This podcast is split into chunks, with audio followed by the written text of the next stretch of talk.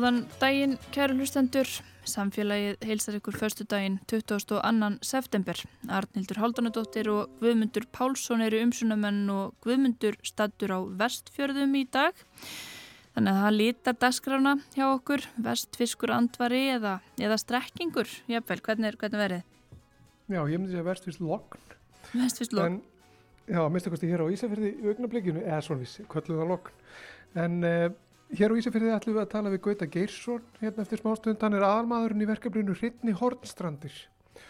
Og þetta verkefni snýst einmitt um það, Hrittni Hortstrandir. Undarfærin ár þá hafa mörg tonn af rusli verið hreinsuð á hotströndum, meira en það hérna og eftir. Og svo förum við líka til Flaterar og tölum þar við nýskipaðan skólastjóra Líðskólans á Flateri. Sigriði Júliu Brynleifsdóttur tölum við hana um skólan og svona hvernig þessi skóli kemur til með að þróast á næstunum. Það er ímislegt að gerast uh, í þeim ágæta skóla. Spennandi. Við heyrum svo málfarsminutu og vindum okkur svo í dýraspjall eins og svo ofta fyrstu dögum og að þessu sinni ætlar Guðmundur Fylkisson lögreglumæður að segja okkur frá dílaskarfi sem hann rakst á við störf sín á dögunum og jafnvel fleiri verkefnum sem að tengjast dýrum hjá lögreglunni. En við byrjum á hreitni Horströndu. Þá erum komin inn á Ísafjörð og hér ætla ég að fóra næstu verkefni sem að kalla hreitni Hortstrandir sem gengur út á bara nákvæmlega það, hreitni Hortstrandir og hér er Gauti Geirsson, hann er maðurinn á bakvið þetta verkefni. Við byrjum bara á því að skoða stóra markmiði með, með verkefninu hreitni Hortstrandir.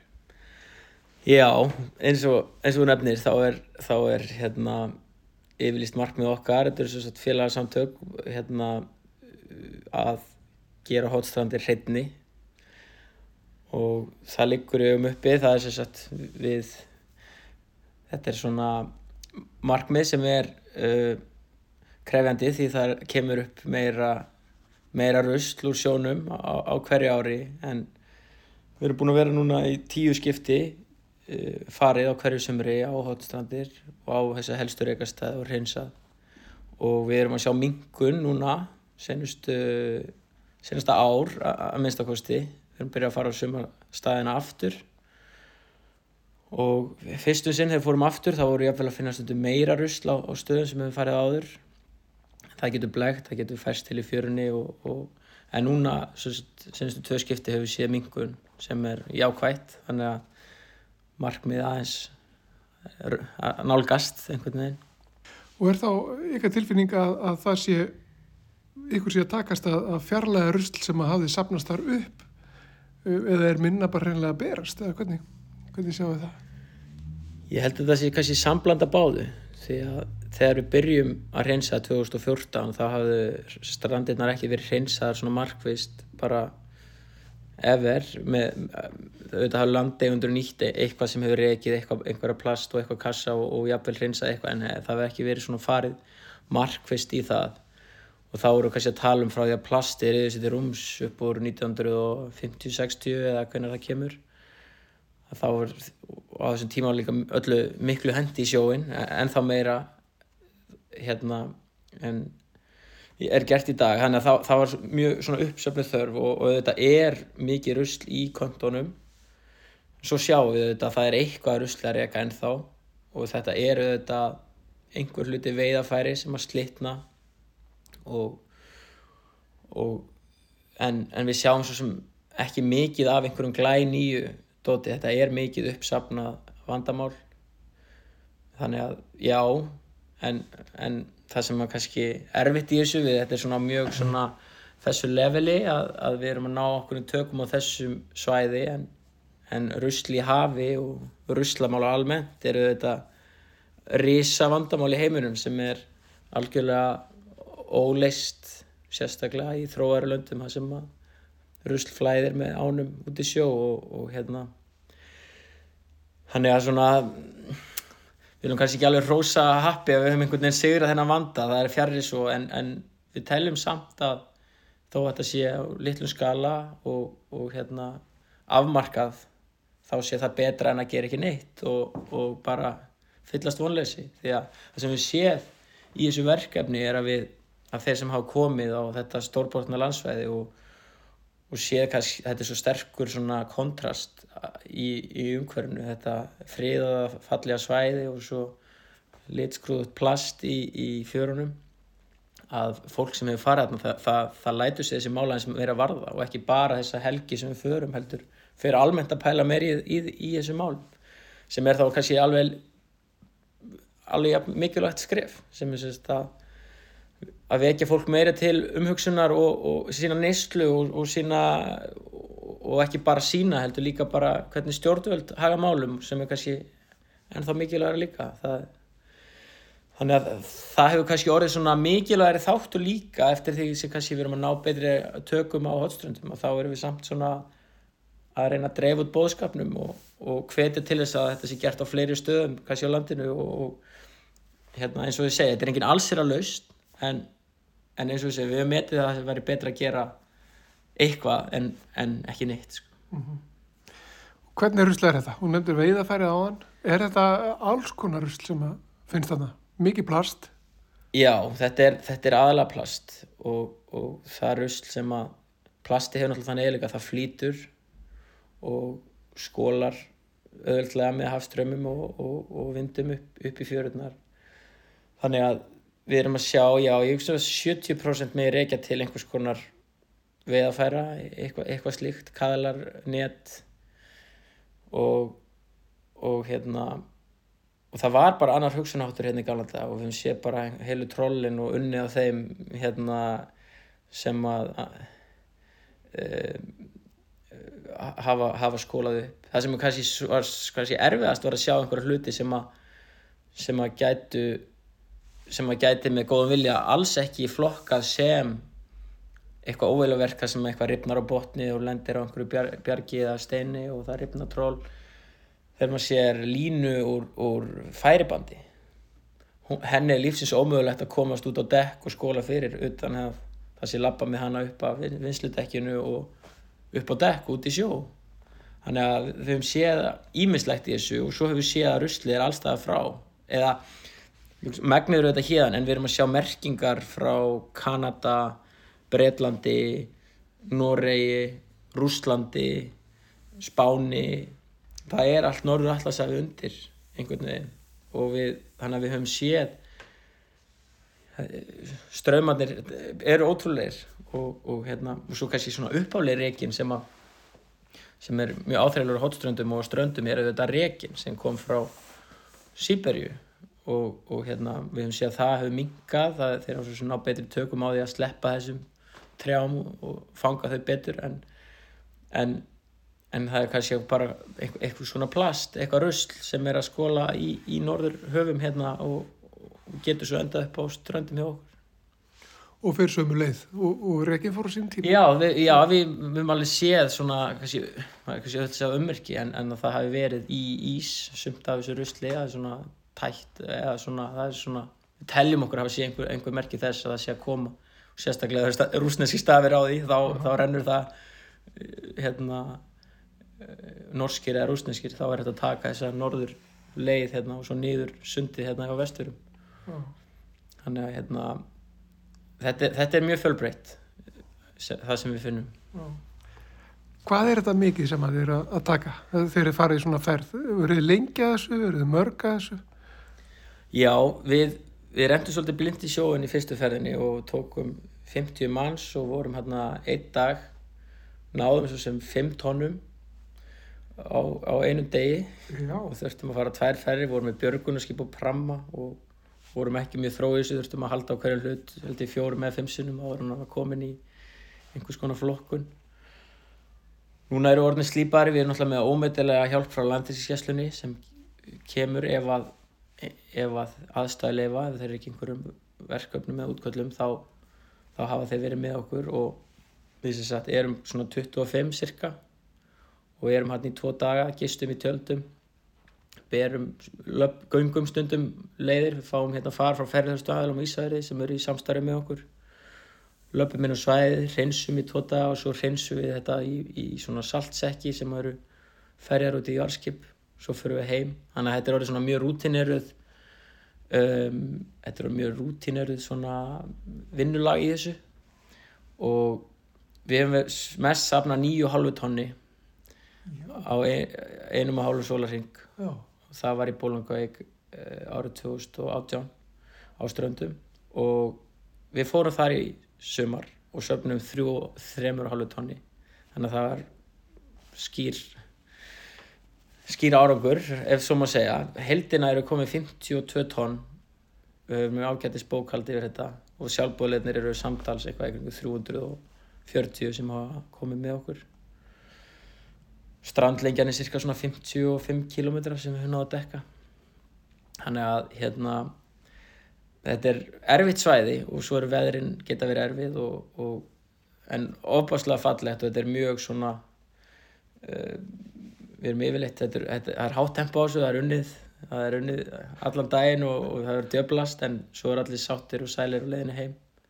Við höfum stundu grínast með það sko, svo mæti maður hérna í Gore-Texinu og, og fínu gönguskónum hérna á strandir í einn dag yfir hásumarið og, og líður og aða vel með sig sko en svo hugsa maður til aðstæðinu hjá fólkinu sem bjóð hérna í, í krefjandi aðstæðum að draga fram lífið og þá einhvern veginn í samhenginu er þetta kannski maður bara næst í skamma sín sko að, hérna, að horfa á þetta sem einhvers konar hérna, afreg en, en veist, bara vera átt á svæðinu og veist, þetta, þetta er þetta hefur bara verið virkilega vel lukkað held ég hérna verkefni svona uh, á alla kanta og ég, við erum bara brött að halda áfram.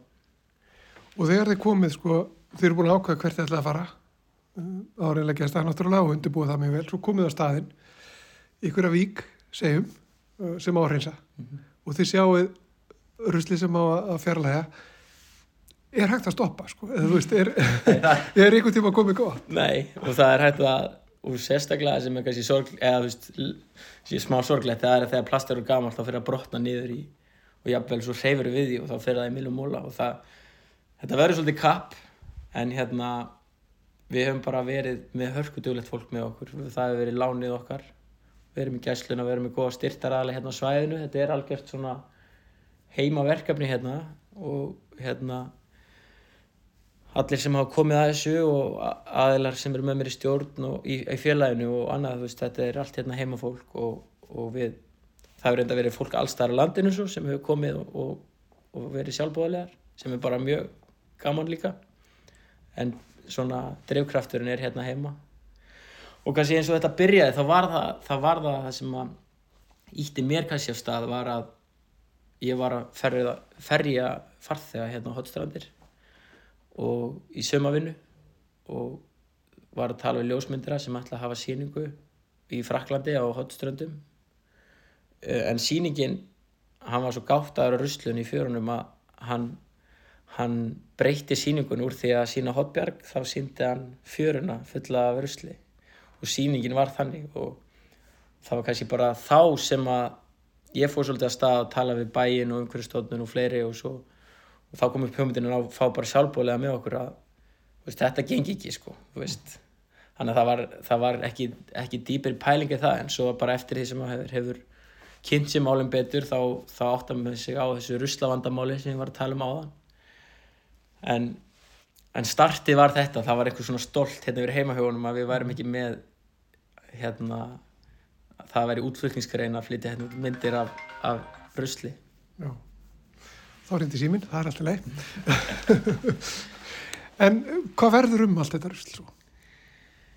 Já, það hefur verið ákveðin áskorun líka því að sömnda plastunni höfum við getað endurunnið sem er sem sagt nýleg uh, net uh, vandamáli er að þegar þessi þetta plast er búið að vera lengi í sandi og sjó að þá, þá kemur sandur inn í plastið og þá er ekki hægt að bræða það í, í endurvinnslu. En við höfum tekið það sem við getað og höfum verið að auka það og núna senast í samstarfi hampiðuna núna í, í þessu verkefni núna í sumar að það er að koma nýja leiðir að taka á móti þessu rusli og þóða betur. Þannig að einhver hluti hefur farið endurvinnslu sem við höfum tekið frá. Eitthvað hefur verið játn og eitthvað timpur og svo hefur verið þetta plast. Uh, okkar markmið er að koma því sem mest í endurvinnslu en því miður þá hefur hluti af þessu verið urðaður sem okkur finnst vond því að við erum búin að eða miklu tíma í að grafa þetta upp úr sandinum og grjótinu og, og það er eitthvað skrítið við það að okkar eini farvegur fyrir ruslið er að búa til hólu annars þar á landinu fyrir það. Og þannig að það er eitthvað sem að svona við viljum halda áfram að þróa að reyna að ná þessu sem mest í eitthvað, eitthvað framhald. En teljum þó skarra að gera þetta svona en ekki eins og, eins og ég nefndi á það Hvernig séu þau fyrir þér svona þetta verkefni sé að þróast? Mun sá dagur renna upp á þú sér það tekur ekki að fara þetta er, er ekki þetta Já, ég meina við, við erum kannski farin í hans nýjan fasa. Ef, ef að það mingar stöðugt þá, þá er kannski orðið svolítið mikið umstang að fá heilt varskip þegar þetta eru kannski bara einhverju nokkri sekkir sem að verkefni mun kannski að eðlis breytast eitthvað umfangi og þau eru kannski ekki jafnmargar hendur, kannski eru fljótari yfir en ég held að við allavega svona fórsvarsmennir erum, erum áhuga sem er að halda áfram og, og, og einmitt það kannski mingar eitthvað umfangi.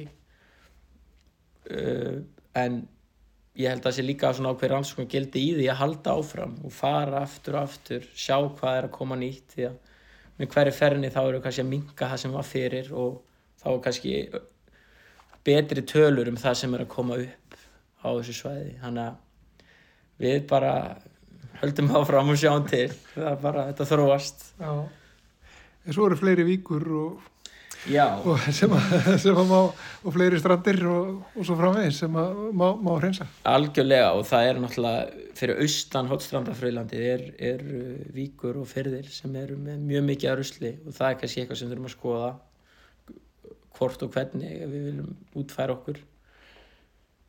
Við, en eins og ég sagði á hann það er kannski ekki okkur markmið að, að fara í mikla landvinninga heldur kannski frekar að hvetja til heima, heimafólk á, á sínum svæðum fara á stað og, og í einhver, í einhver svona verkefni. Það er að nóg að taka, það er alveg rétt og það eru auðvitað nokkur dæmi um svona hreinsanir á Suðvesturotninu og þeir hafa farið fyrir austan og, og fyrir norðan, það, það eru komnir það eru nokkur verkefni svona í gangi sem er bara mjög ákvæmt en eins og segir það er að nóg að taka og, og strandirnar eru það er verk að vinna þar klárlega Já.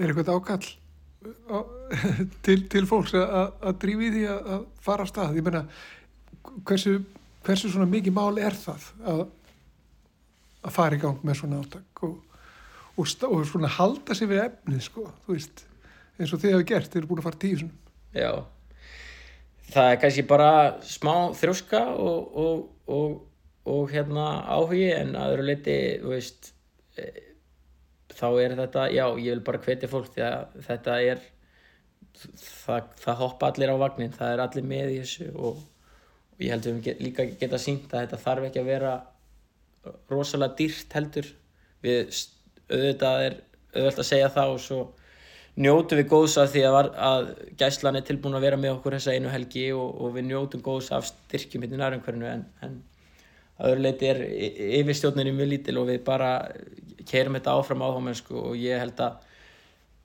já, maður bara vil hvetja þetta er mjög gefandi líka svo að það sé sagt, þetta er bara það myndar svona liðsandi og, og, og keppnisandi jafnvel sko að hérna að ná þessu og það er það er bara alltaf alltaf gaman, þannig ég er bara hvetja til þess að hérna að fólk líti kringu sig, sjá hvort það geti gert eitthvað sjálft Og svo sér maður árangurinn. Ég meina, eftir, Já. svona, eftir svona helgi, eh, algjörlega, þá sjáu þið bara að það er, ruslið er farið. algjörlega og ég held fyrir nútíma mannin líka sem er að- í vinnu það sem eru fjölmörg verkefni sem einhvern veginn taka engan enda þá, þá er þetta mjög holdt fyrir sálun held ég að, standi verkefni sem hefur klárt upp á endi og, og góðan árangur sko. Þannig að ég held að það er bara engi spurning. Og vitið hvert þið farið næst? Já, við munum fara í Barðsvík sem er kannski ekki eina af þekktustu víkum hótstranda en hún er sem sagt fyrir austan Hótbjarg og þar fórum við 2019 senast og söfnuðum einhverjum 6-7 tónum í, í mjög kræfandi veðri og það er ekkert hús. Þannig að það er eh, þetta er eigði vík en það er stefnan sumarsólstur 2024 þannig að maður bara áhuga samir verða tilbúinir að, skrá sig og koma með. Einmitt. Við skulum bara ljúka þessu svona Gauti Geirsson. Uh, einn af aðstæðendu verkefnisins Hrytni Hottstrandir Takk fyrir að taka á mótum mér og segja mér þessu. Takk fyrir ekki alveg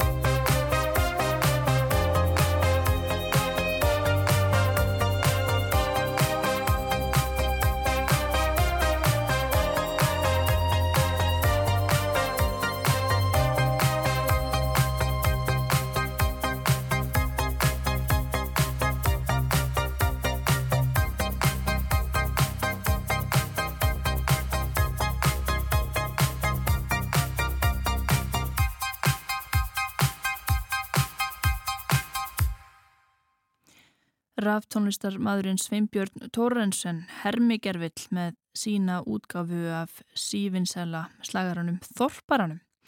Og við ætlum að halda okkur áfram fyrir vestan í Þorpi sem að þó kannski endurspeglar allan heiminn í sífælt meiri mæli. Það ætlum að tala eins um líðskólan á Flateri. Og hér er Sigriður Júlia Brynlefsdóttir skólastjóri líðskólans. Þú ert nýtt ekki við, ekki sett? Þú byrjaði bara fyrir bara nokkur vikum eða hvað? Jú, ég byrjaði bara í júli.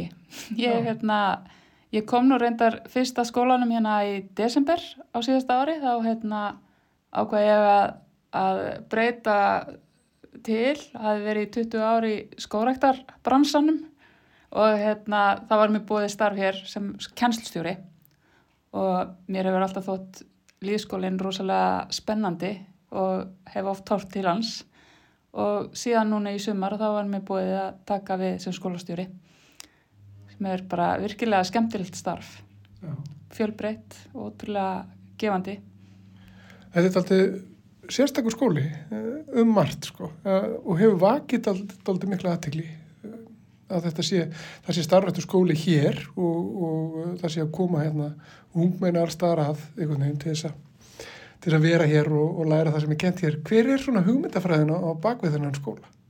Sko, hugmyndafræðin er að hér koma nefnendur fyrst og fremst til þess að í rauninni að kynnast sjálfum sér og finna hvaða stefnu þau vilja taka í lífinu og, og já, og þreyfa fyrir sér í svona hinnum ymsum uh, hvað að segja á ymsum fagsviðum og hérna, og hér eru hafa verið starfræktar tvær brautir.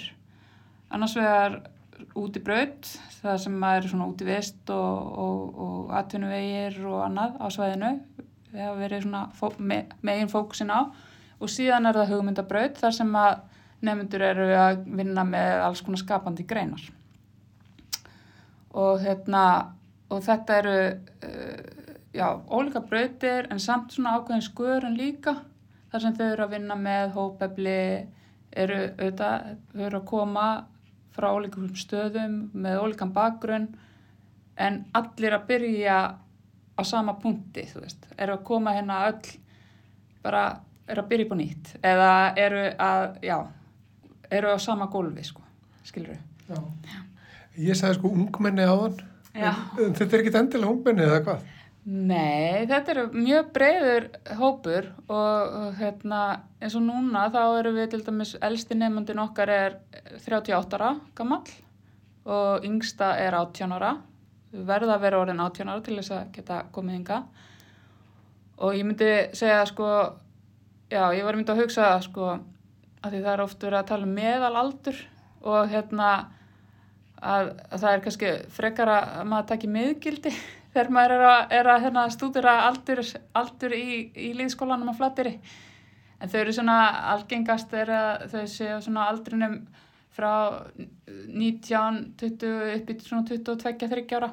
Það er svona mjög algengt að þetta eru oft uh, krakkar sem eru búið með hennar framhaldsskóla eða hafa hætti framhaldsskóla og eru að reyna að finna svona sína sína braut, að finna sjálf sig.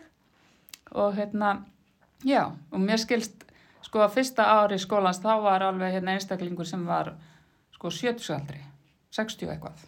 Þannig að þetta er þetta er ólíkur hópur en og hérna með ótrúlega ólíkan bakgrunn sem er að gera þetta svo skemmtilegt. Læra mikið af hvort öðru og svona. Hvaða máli skiptir að, að þetta er hér í sko tildulega svona tildulega fámennum á, á tildulega fámennum stað þar sem er það er ekki svona, það er ekki margt í gangi, það er ekki mikið um að vera þó að sé vissulega hérna náttúrulega fólk sem bara sinnir sínum störfum og, og dalu lífi og, en þetta er svona frekar þetta er fámennt og þetta er rólegt.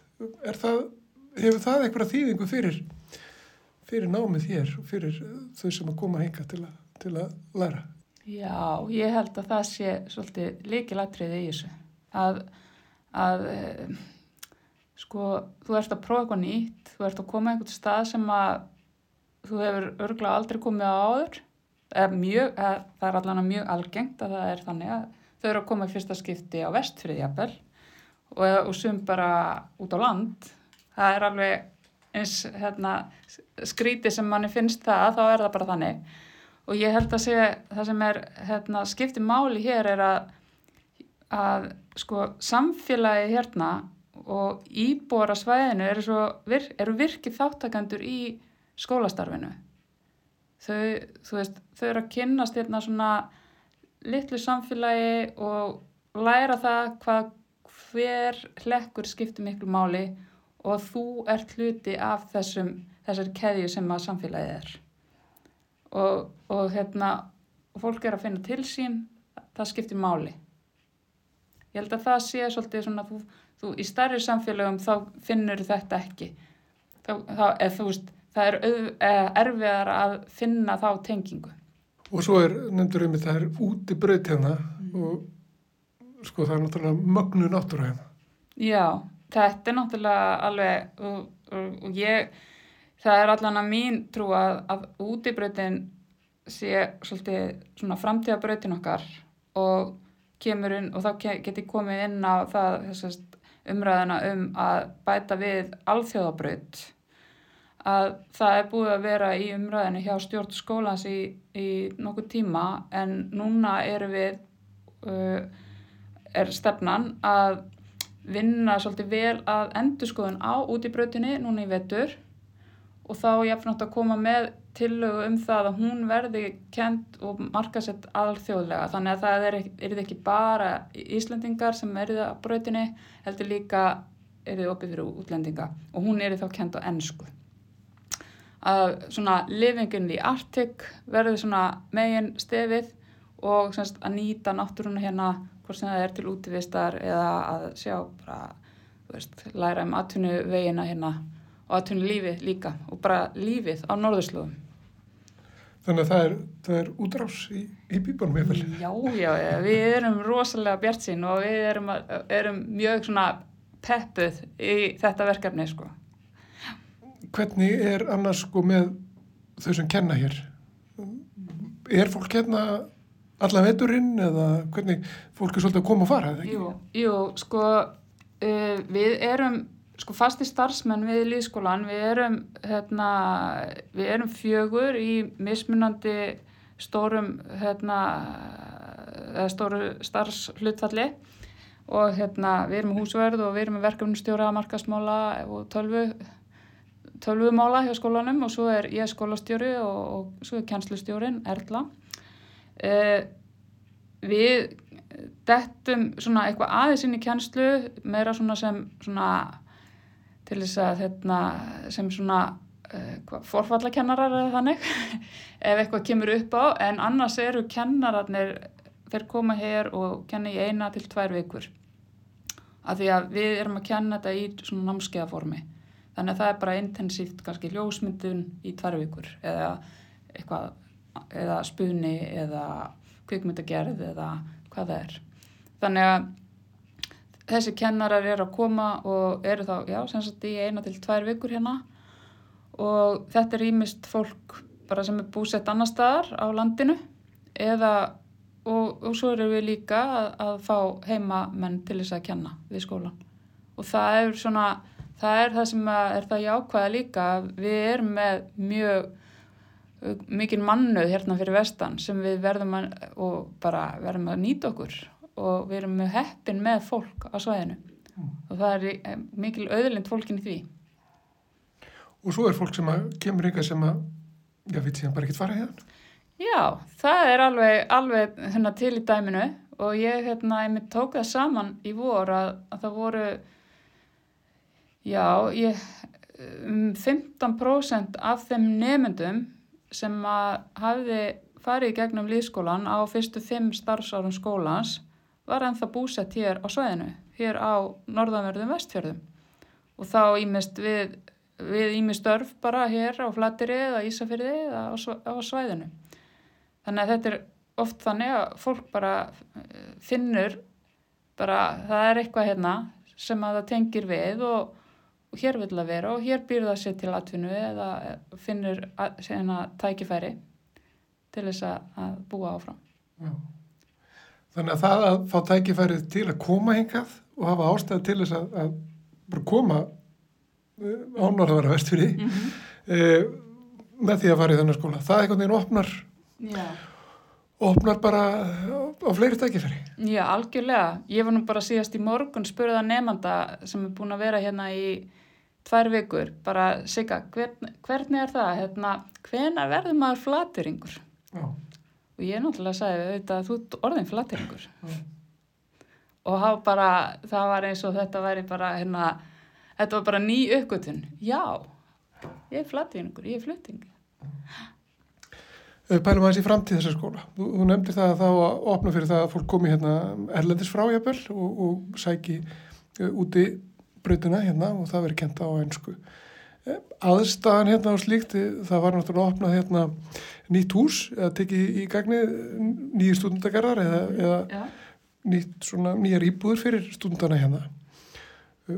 Er aðstæðan annars, er ykkur svona þarf eitthvað að huga því eða er þetta, gengur þetta bara ágætlega og, og, og hvernig sér þau fyrir svona framtíðina? Sko, auðvitað í hennum fullkomna heimi, þá myndi ég gerna vilja eiga hérna kennsluhúsnaði sem væri sérstaklega hannað fyrir þá starfsemi sem við erum, að, erum með.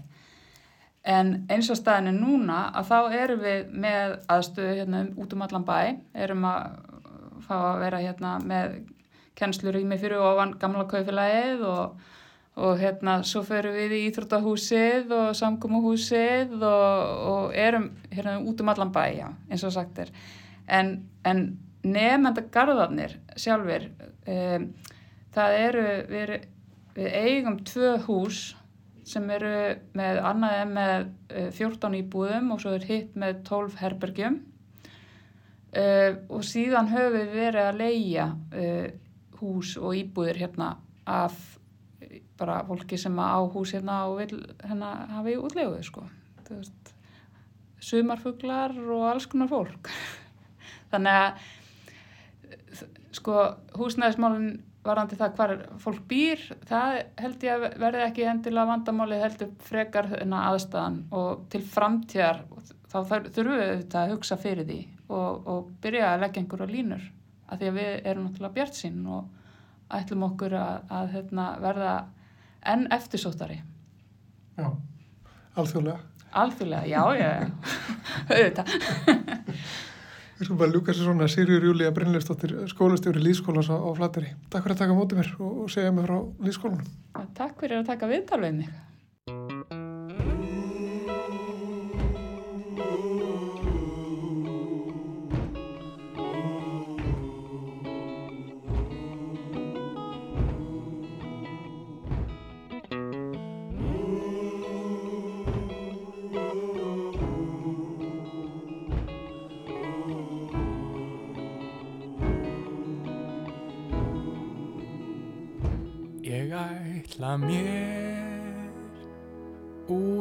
að halda. Örlögin valda því. Mörgum á ég greiða að gjalda. Það er gömur sag og ný Guð eitt veit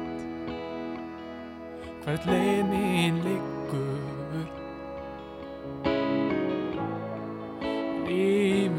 flókið er. Oft ég er í hjarta hryggur. En ég harka samt af mér. Eitt lítið knús. Elsku mamma.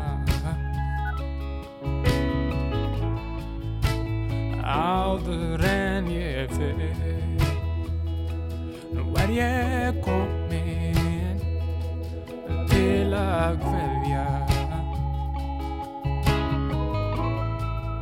Ég kem aldrei fram að ég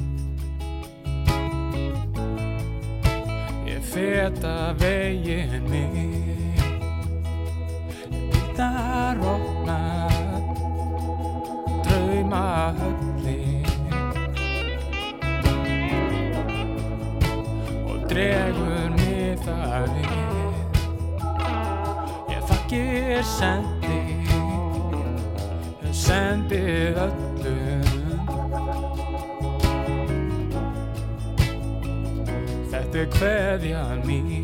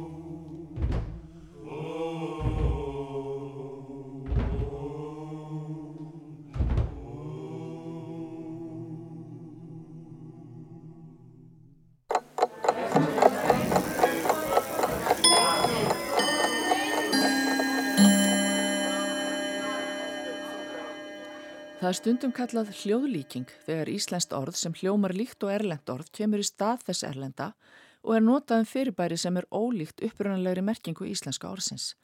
Eins og þegar skúta, sem er seglbátur, er notað um rafhjól af því að það líkist enska heitinu skúter. Mörg fleiri dæmi eru til um þetta. Sjúkdómsheitið COVID-19 var til dæmis snemmast ditt í COVID, skrifið upp á ensku og fátt íslenskulegt við það. Fljótlega var farið að tala um COVID, allavega í óformlegu tali. Kóf hefur ýmsar merkingar. Það er þjætt snæfók eða snjór sem kvirlast upp í skafrenningi. Kóf er líka þjætt reykjarsvæla, andköf eða erfiður andardráttur og mikill líkamshiti, hitakóf eða sviti, svitakóf. Kófið er hljóðlíking við COVID og merkingarlega kannski ekkert fjarrri ástandinu í heimsfaraldrinum.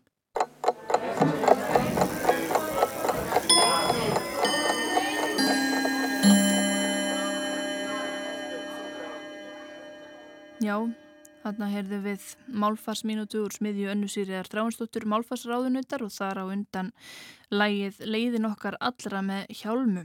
En hann er kominingað þann Guðmundur Fylkisson, lauruglumadur hjá lauruglunu á höfuborgarsæðinu. Velkomin Guðmundur. Takk fyrir. Eh, Við ætlum að spjalla um dýr, þetta er dýraspjall. Dýraspjall, já. Uh, ef við byrjum bara, ég tilefnið er að þú komst að aðgerð í vikunni þar sem að dílaskarfur hafi komið sér í, í klandur en uh, þú hefur áður verið að, að sinna verkefnum sem tengjast dýrum, bæði bara þú sjálfur og á vegum lauruglunar og mér langar bara að byrja að spyrja þig já, hvernig eru svona þín tengsl við dýr, við náttúruna, af hverju ertu í þessum verkefnum? Já, og ég er er í móðrættina er í strandamaður. Kem af, af hákalla og, og selveiðimönnum og, og, og það sem að fólk lifði á, á, á hérna, landsiskeiðum úr, úr sjó og landi og umgegst náttúruna virðingu. Þannig að þar lærði maður að lítið svona að hérna að, bera virðingu fyrir dýrónum en, en líka að nýta þau og, og þegar ég síðan flýti í Hafnarfjörð 98 og þá, þá er ég orðin fjölskyldumöður með börn þá leittist mér svolítið að sjá veru, hvernig unga lífi þar þurfti að berja svolítið fyrir sinni tilveru. Og, og, og eftir nokkur ár þá fekk ég leiði til þess að sinna lífinu á læknum með ungunum reyna auka, auka við þann fjölda sem kæmist upp á hverju ári. Er þið sjálfbúðastarfi? Já, já, já, alfarið bara á, á, á, í mínu tíma og, og minn kostnað bærin hefur reyndar komið að það, við höfum svona, eða ég, við höfum bent á atrið sem á laga kannski að lítið í náttúrunni. Við litum uh, mjög fljótlega loka svona rist eða grind nýrundi strandgötu þar sem að þar sem að er, var er ræsi og, og, og ef að ungarnir voru komnið þanga niður til þá, þá druknuðu þeir í, í raun og veru í röru og leiðin út í sjó. Mm. þannig að í, í mæ, lók mæ þá er sett fýtna net fyrir þannig að þeir komast ekki inn um þess gegnum þessa rist en, en líka til þess að fyrirbyggja það þeir farið þarna niður til að, að, að lækurinn er, er svolítið hæðastýrður með litlum stíplum og þá, þá hlóð bærin fyrir okkur uh, svona litla göngu, göngubrautir við endan þannig að ef að, ef að ungi fór fram, það var þannig ef einn ungi fór fram að þá fór kollan á eftir og þá kom allir hinn ungan og þeir gátt ekki farið tilbaka. Og þar alveg enduðu þeir nýri í ræsinu. Já, en núna eru, eru svona litlar, litlar tröppur fyrir þá til þess að fara tilbaka. og það var mjög gaman þetta fyrsta sumar hvað þeir voru fljótir að fatta og þeir hennilega voru að leika sér að því þeir sem sagt hoppuðu nýður, synd út og svo príluður upp á og uppbyttir í, í ring sko. þannig að bærin hefur, hefur alveg komið það svona aðtæðum sem að sem er kannski umhverfislega síðan þarf, þarf, þarf að bæta úr fyrir þá. En, til þess að hugkamast þetta þá þarftu náttúrulega að vera svolítið læs á atverðli dýra á náttúrun að það hafi verið þörf á þessu. Jú, jú, en, en ég hef kannski ekki alveg sagt að það sé komið beint úr kollinu á mig, sömt sér maður bara á YouTube sko, eða, eða einhverju slíku miðlum. En, en þetta var allavega svona hérna, upphafið að þessu að reyna, að reyna að sinna dýrunum.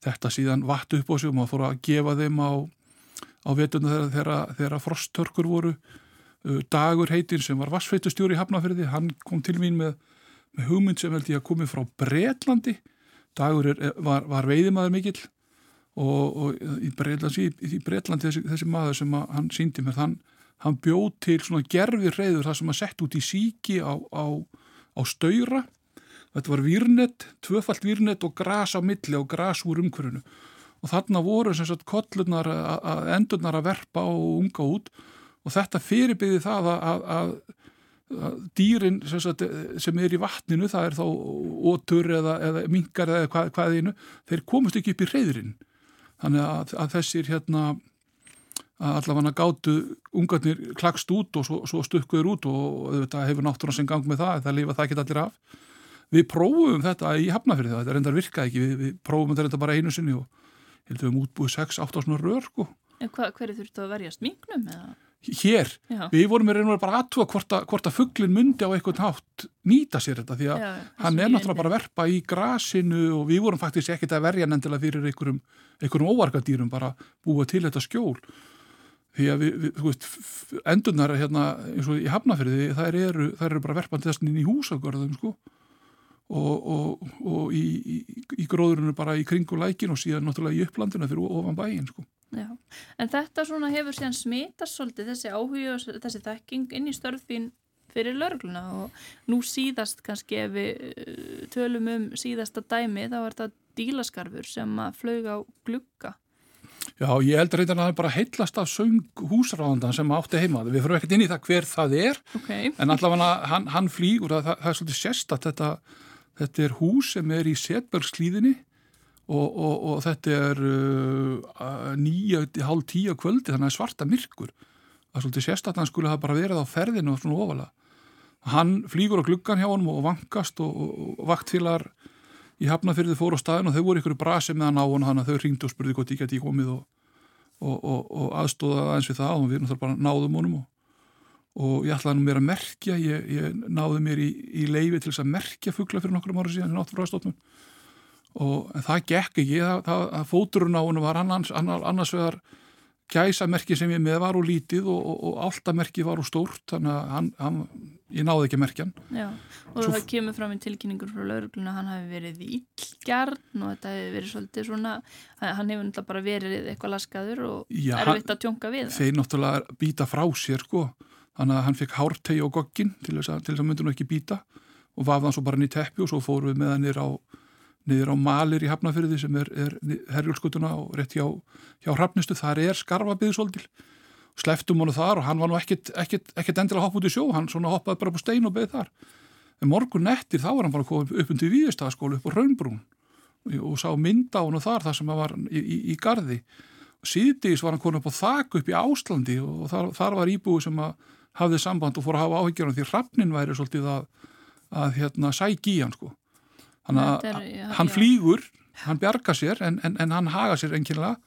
kannski fengið einhvers konar höfuhögg Já, það er spurning sko, er eitthvað að honum fyrir, er eitthvað fæðingagallið eitthvað slíkt sem orsaka það að hann, hann var þarna á ferðinni þetta kvöld eða var það fyrir einhvern skada við högg, það getur alveg verið. Svo var hann konið í Garðabæn í, í, í, í gerðmorgun, þar, þar er mynd á honum nánast eins og sé að banka á svalarhörð hérna í, í, í fínu hverfi í Garðabæ.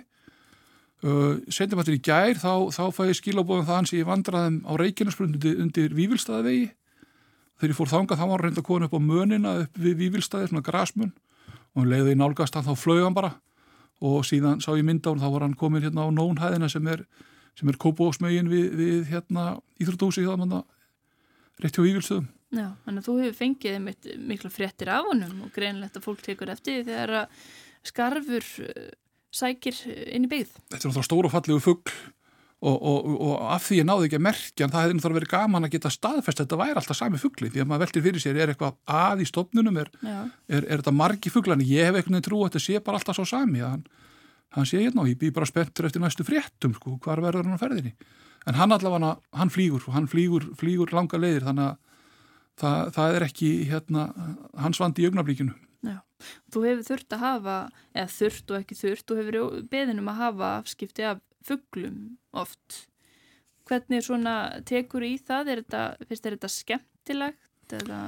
Já, já, ég, ég, sko, ég reyni, reyni svolítið bara að bregðast við og ég, það, það er einhvern miskilningum með það, ég sé eitthvað sérstaklega dýravinnur, ég, veiði mér til matar, hérna, hvort sem það er sjáardýr eða, eða fugglar, þannig að það er nú ekki þannig að ég, ég telja þegar ég venda öll dýr en, ég ber bara virðingu fyrir þeim og það að ef maður getur eitthvað aðstofa þá reynir maður það.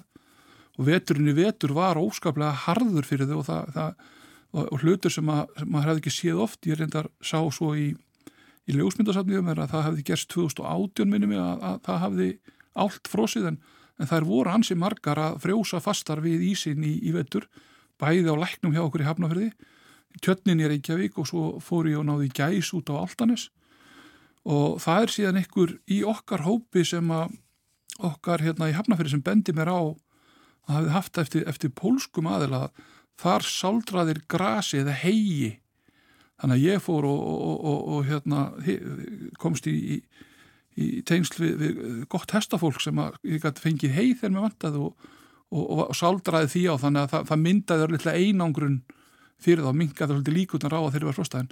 En það voru nokkri sem það þurftu, það, maður þurfti svona 6-8 lítra af volku vatni til þess að losa þá upp því þeir voru bara forsnir fastir við, við, við ísin, sko, alveg byggfastir. Sko. Fannstu það á YouTube eða, eða var það bara eitthvað svona sem að með vatnið, já. vatnið var bara skynnsemin, bara að prófa því að það, það þýr ekki að reyna að rífa þá upp því að þá skemmið maður allar fjæðrir en það var að pró, með prófuðum eða, með, bara með volgu vatni í, á gósflöskum Mhm. og það döði og þeir, þeir náttúrulega þeir, þeir slást við mann en svo, svo bara þegar, þetta fer að mikið stundur en þá, þá komast þeir í burtu sko.